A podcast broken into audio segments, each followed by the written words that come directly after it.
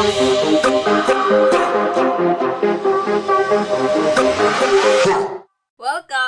And hi! This is Grobad. Here we go. Today, woke up at 6.30 a.m. That's later than usual. I got up from bed. Nya, gitarong akong higdaanan. Pilo ang habol, ang unlan tarong. Na nibasa ko og Bible verse og nigawa sa kwarto. Pagsud na ko sa kitchen, nakakita ko og hugason.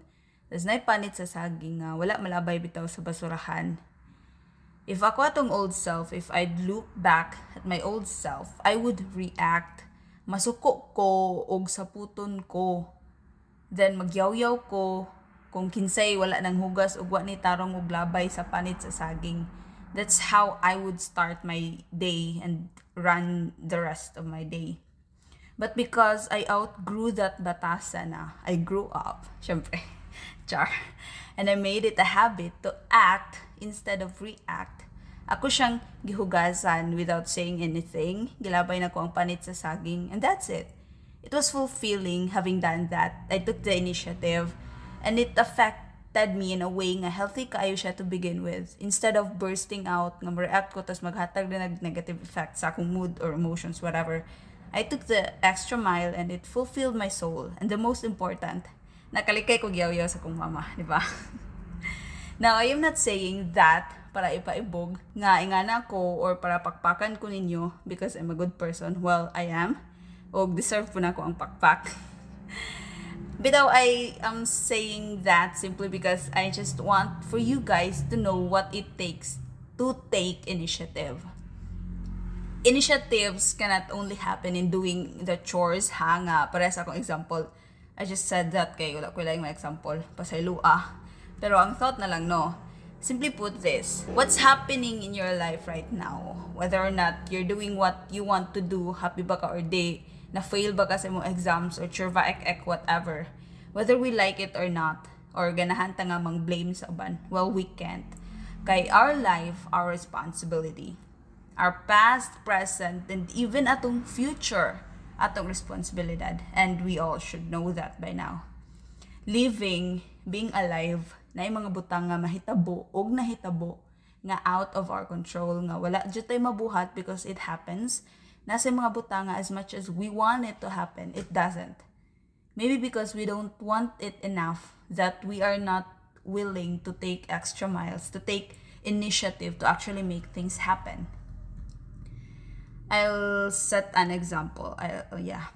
Two to three two three years ago I wanted to join the military academy sa PMA. But because I only reacted, I only told myself that, nga ganahan ko musod ana nga ni nga na. Siguro kog ingon sa akong fam ana. But wala ko'y actions wala ko'y initiative to research about the academy about entrance exams or kung unsa pa na diha whatever churva ek I didn't have the I didn't have the opportunity nga maga-take og exam I missed my chance nga makasud sa academy it was a missed opportunity gyud and I lived with that regret.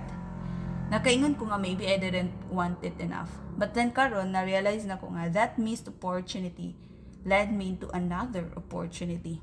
Simply put, by regretting it, reflecting on it, nga ako ako gi acknowledge and accepted my mistake of not putting actions into it. It was already an initiative. Because the fact that I was bothered by that regret means I wanted to change something or that I wanted to make things happen. So fast forward to now.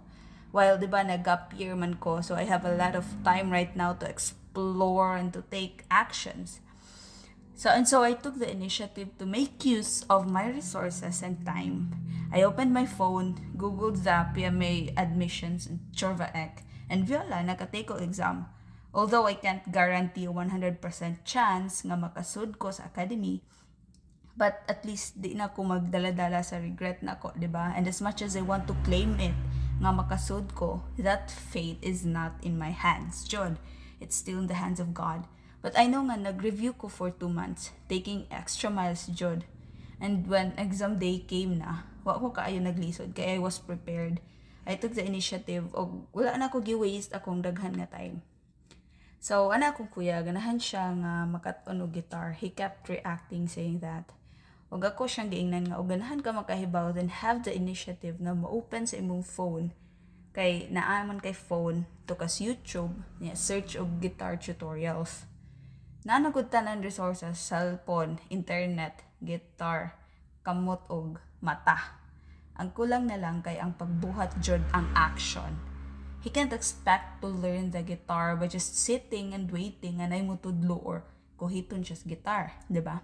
Just like how we can't just sit there ug tan-awa na tong labunon nga ning saka na pa dong langit ang kadaghan nun nya mag-expect nga kausang piyong sa mata wa na nalabhan na tong labunon we can't di ba di po ta mag-expect nga makauyab ra tag kalit bisag tay laing gibuhat kundi ka tunganga ra gabilangkad sud sa bay di ba para makauyab ta mamiga pa jud ta una na jud tay mga dumb moves diha mabae man or laki sa unsang klase sa biga para makauyab ta di ba actions should.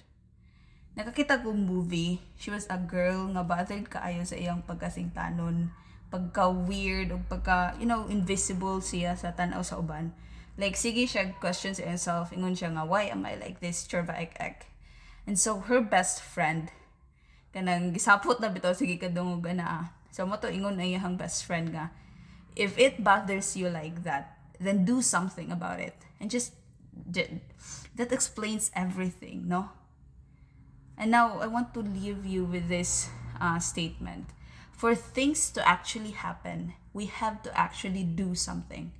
And for things to not happen, we still have to do something. I hope na gets ninyo akong point. Now, there's naigingon si Mary Kay Ash, an American businesswoman. There are three types of people in this world. Those who make things happen, those who watch things happen and those who wonder what happened. And that's it for today's episode. Daghang salamat sa pagpaminaw. Ma-appreciate kayo na ko inyong follow sa akong social media accounts at sa pag-interact with me. Again, links of my social accounts are in the show notes. And please, ayaw kalimot pag-follow there is a Spotify para updated ka sa mga new episodes. Salamat kayo! Nice! Yay!